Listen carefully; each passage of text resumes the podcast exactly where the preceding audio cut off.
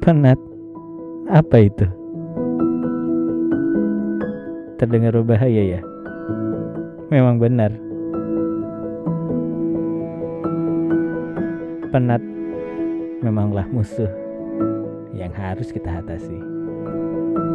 Lalu, mengapa kita jadi penat? Biasanya karena bosan. Karena melakukan hal yang itu-itu saja. Melihat yang sama dari waktu ke waktu. Namun, menjadi bosan itu wajar jika kita menempatkannya sebagai sebuah titik.